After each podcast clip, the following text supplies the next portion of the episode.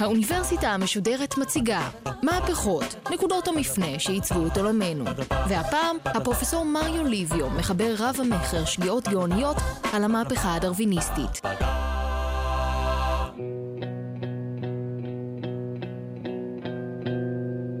ההרצאה של היום תעסוק במהפכה הדרוויניסטית, שהתחיל אותה כמובן צ'ארלס דרווין. אחד הדברים המדהימים ביותר שאנחנו רואים אה, ביחס לחיים על פני כדור הארץ, הוא הרבגוניות העצומה שלהם. אה, מספיק שתצא החוצה מהבית באיזשהו יום אחר הצהריים, אתה תגלה אה, המוני צמחים, אה, עופות אולי כל מיני, אנשים מטיילים עם הכלבים שלהם, אה, חרקים למיניהם וכך הלאה. הרבגוניות מתבטאת גם בטווח עצום מבחינת התכונות של החיים על פני כדור הארץ. אנחנו מכירים עופות שנראו בגבהים של למעלה מעשרה קילומטר. אה, ומצד שני אנחנו גם מוצאים בעלי חיים שנמצאו במעמקי האוקיינוס בעומקים של כעשרה קילומטר.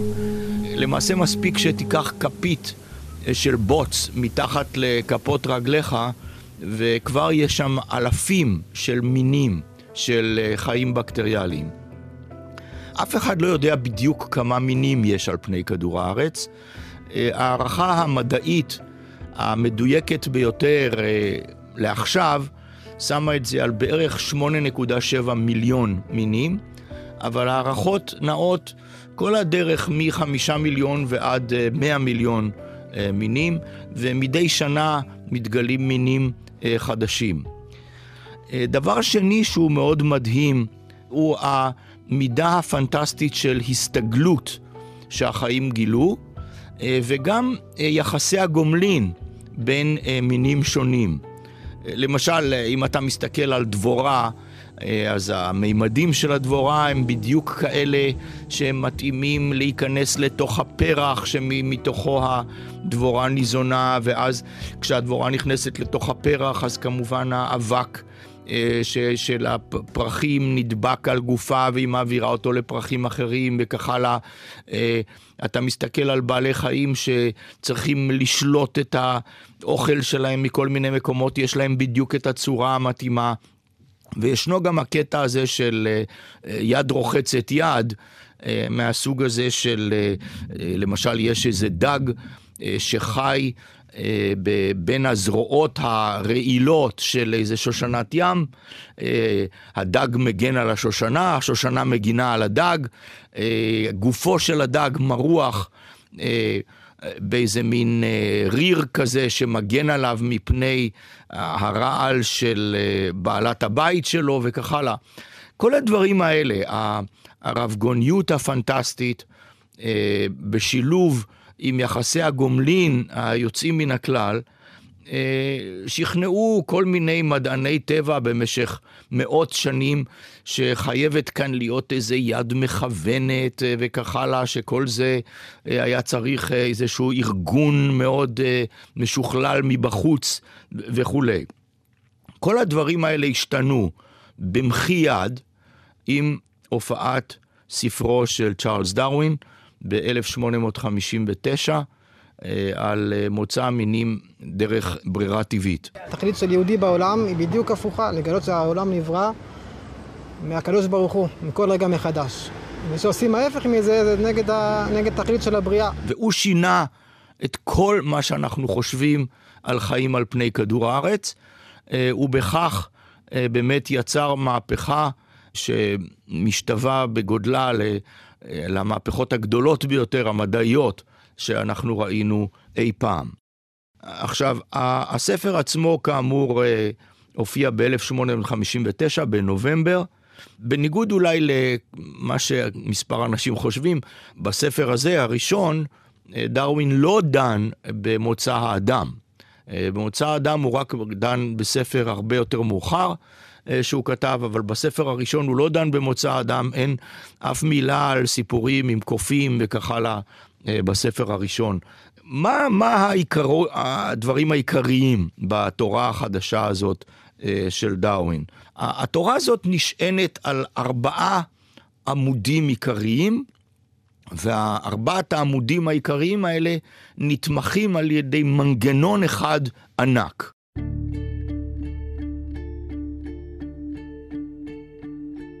מה הם ארבעת העמודים? ארבעת העמודים הם קודם כל האבולוציה בעצמה, ההתפתחות בעצמה. מה זאת אומרת? זאת אומרת שדרווין אומר שזה לא שהמינים שאנחנו רואים היום על פני כדור הארץ היו קיימים תמיד ושהם לא השתנו, אלא להפך, המינים שאנחנו רואים היום הם רק המינים שהתפתחו ממינים קודמים שרובם הגדול נכחדו. העמוד השני של דרווין הוא העמוד של הדרגתיות. אה, ודרווין שאל את העמוד הזה מחבריו הגיאולוגים, בייחוד צ'ארלס לייל, היה חבר אישי טוב של אה, דרווין, אה, והרעיון אומר שבאותה צורה שבה פני כדור הארץ השתנו בתהליכים איטיים מאוד, שנמשכו על פני עשרות ומאות אלפי שנים בגיאולוגיה, כך גם מבחינת האבולוציה של בעלי החיים, התהליכים הם מאוד מאוד איטיים. זאת אומרת, זה לא שאתה תשב ותסתכל על איזשהו מין ותראה אותו הופך למין אחר. הדבר חייב לקרות על פני עשרות אלפים של דורות ו- ומאות אלפים של דורות. העמוד השלישי הוא עמוד המוצא המשותף.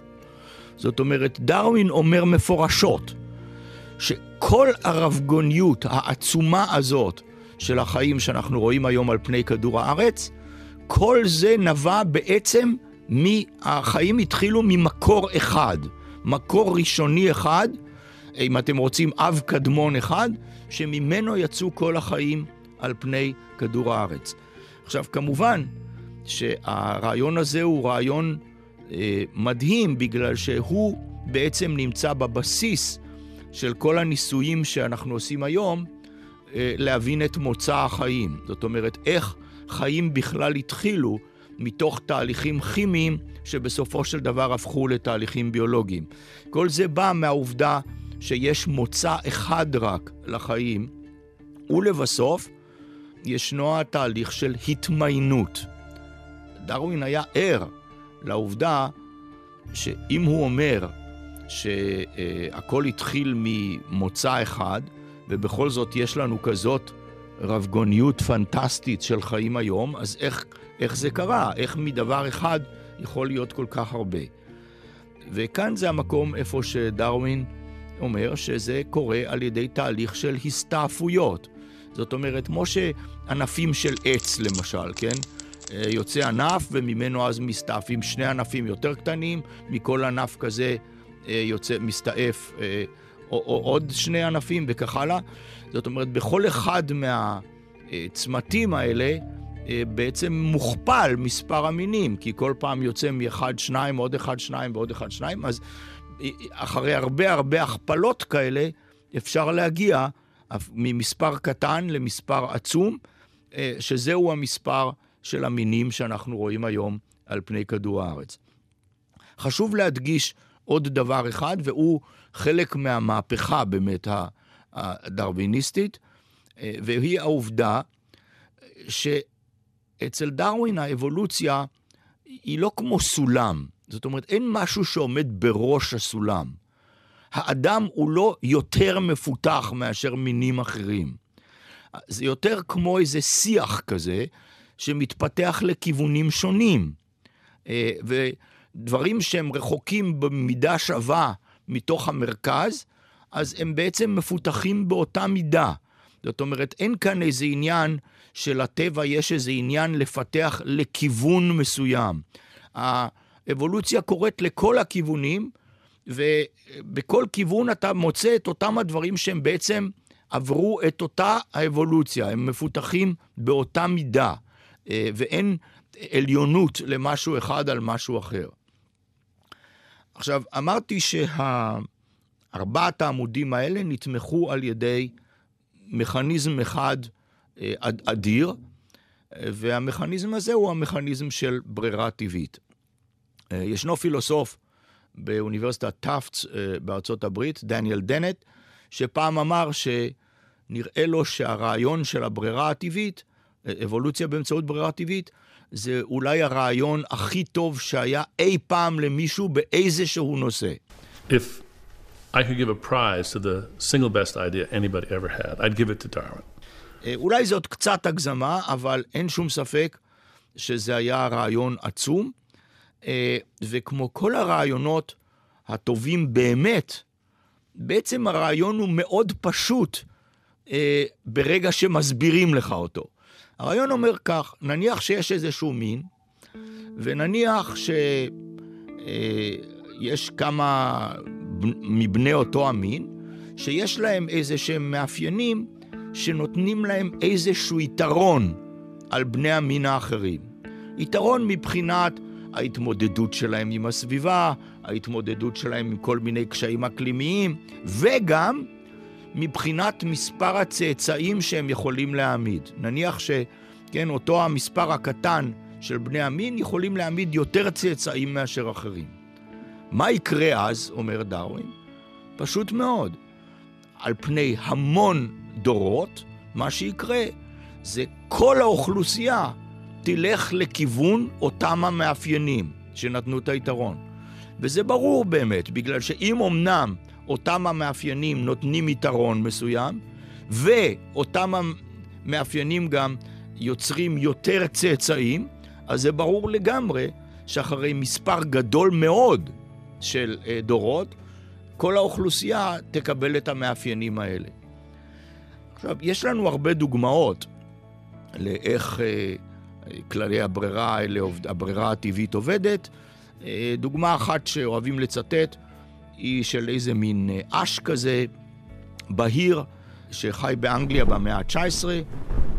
האש הזה אה, בהתחלה פרח בגלל שהצבעים שלו בדיוק היו כאלה שהוא הוסווה מצוין כשהוא עמד על קליפות עצים, איפה שהוא ניזון, אז ממש כמעט לא ראו אותו. אבל אז ב-1848 הייתה המהפכה התעשייתית, מהפכה אחרת, וכתוצאה מהמהפכה התעשייתית התחילו לשחרר כמויות עצומות אה, של פיח לתוך האוויר, אה, גזעים של עצים הושחרו מאוד, ומה שקרה זה שהאש הזה בעל הצבעים הבהירים פתאום בלט מאוד על הרקע של הגזעים האלה, והוא הפך למטרה לטורפים רבים, והאש הזה היה על סף הכחדה מוחלטת.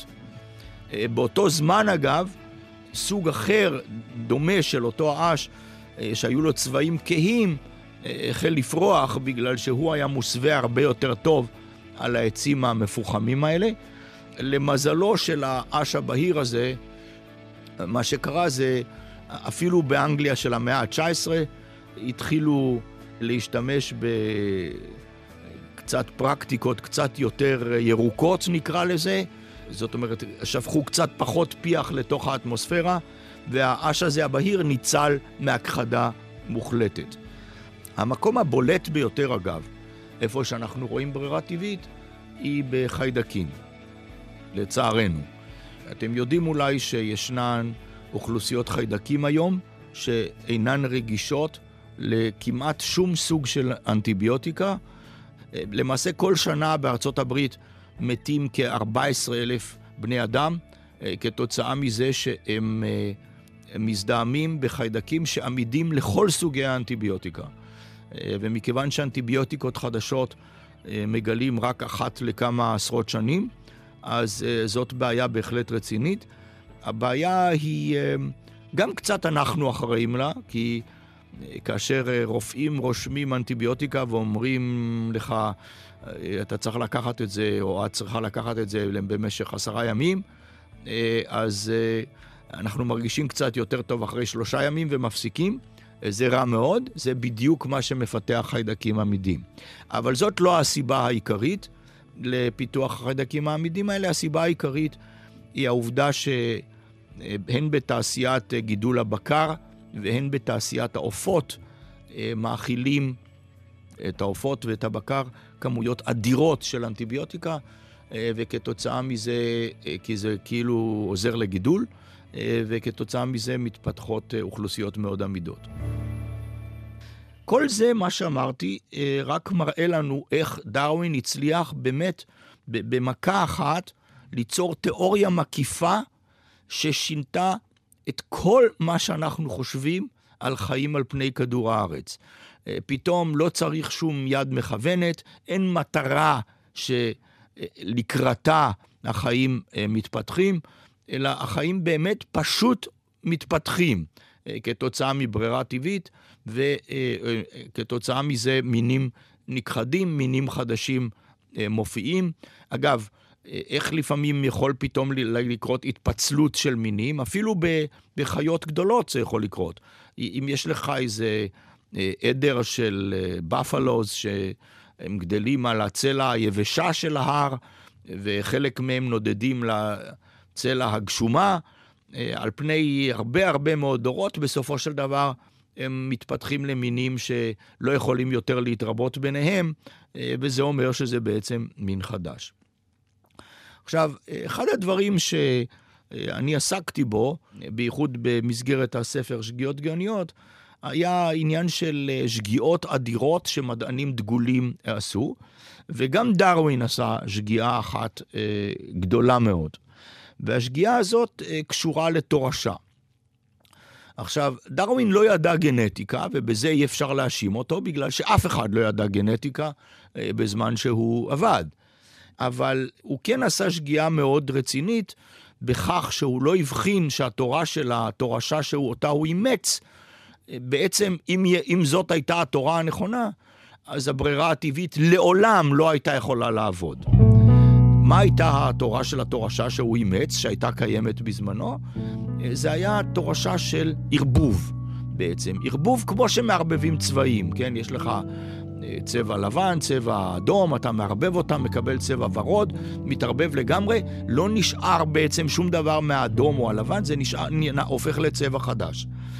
אה, דרווין כך חשב שהתכונות של האב והאם אה, מתמזגות ביניהם ליצור בעצם תכונה אה, מעורבת.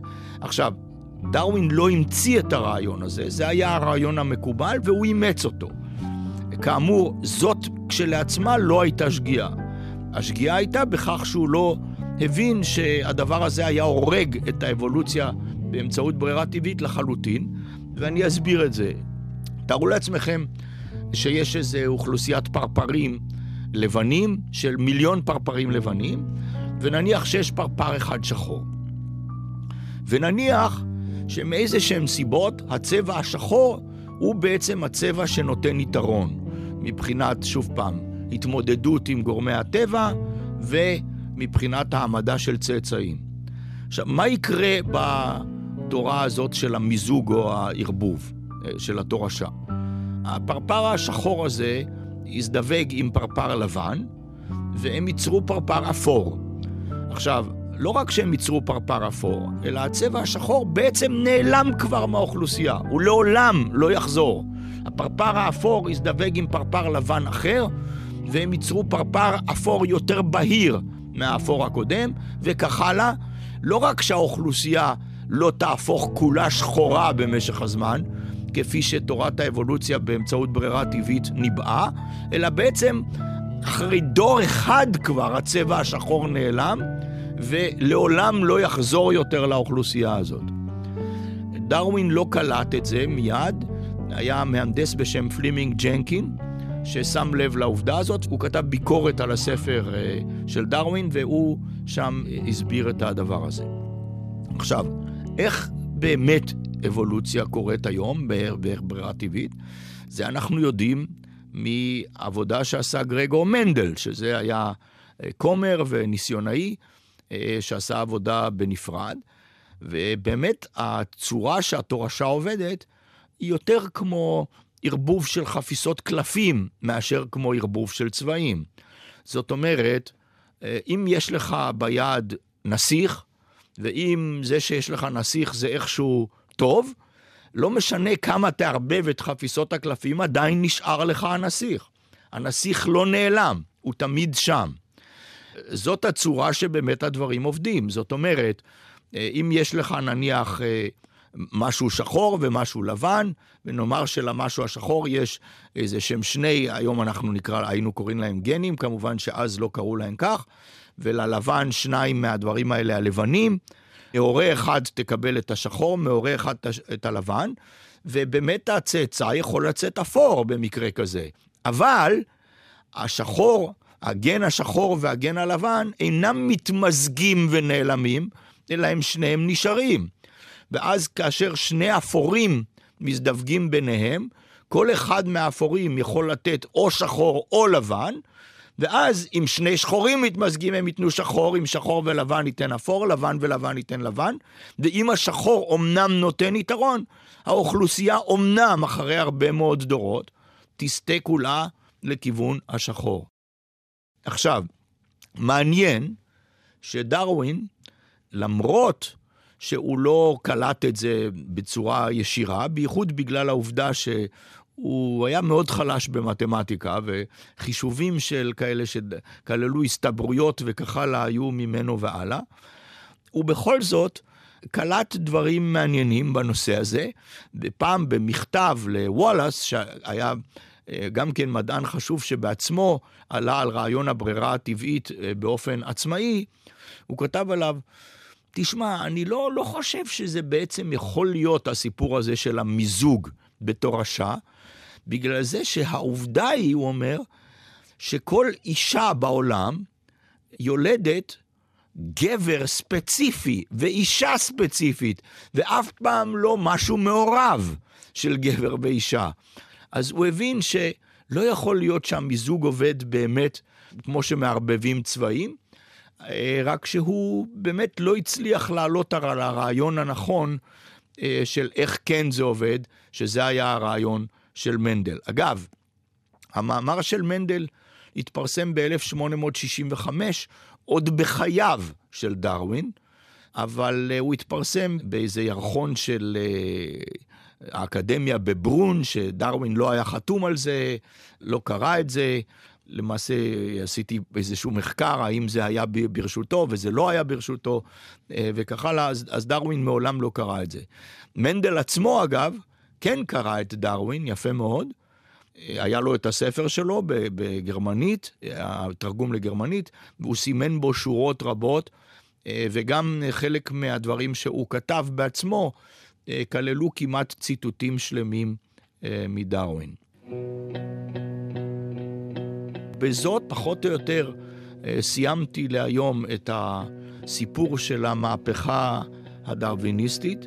באמת סיפור מדהים, שבו אדם אחד, עם ידע מתמטי מאוד מאוד מצומצם, אה, יצר תורה שהסבירה כמעט כל פן של החיים על פני כדור הארץ, מבחינת כל ה... אפילו הפרטים הקטנים של הדברים האלה. זה נדיר מאוד היום שמהפכות מדעיות אינן כוללות תיאוריה מתמטית. המדע של היום אה, מתפתח כך שרוב התיאוריות החשובות, יש להן פן מתמטי חשוב, ולרוב הן אפילו מבוססות על מתמטיקה. התורה של דרווין היא באמת דוגמה אה, לתורה שיצרה מהפכה ללא שום ספק מבחינת ההבנה שלנו של החיים על פני כדור הארץ והמעמד שלנו כבני אדם בתוך המערכת הסבוכה הזאת של החיים על פני כדור הארץ, ואת כל זה הוא עשה מבלי לדעת מתמטיקה, והמחשבות המתמטיות ומה המשמעויות הסטטיסטיות של אבולוציה אה, וכך הלאה נשארו למדענים שבאו אה, בעקבותיו. וכל הדברים האלה אומנם נעשו, ובייחוד הגנטיקה שאנחנו מדברים עליה היום וכך הלאה, אה, כמובן משתמשת במתמטיקה באופן אה, מאוד חשוב.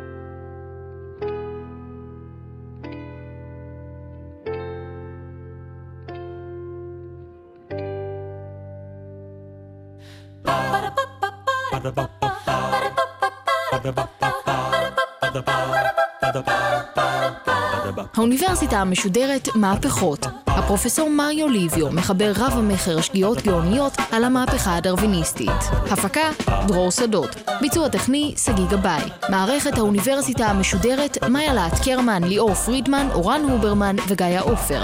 האוניברסיטה המשודרת, בכל זמן שתרצו, באתר ובאפליקציית גל"צ, וגם בדף הפייסבוק של האוניברסיטה המשודרת.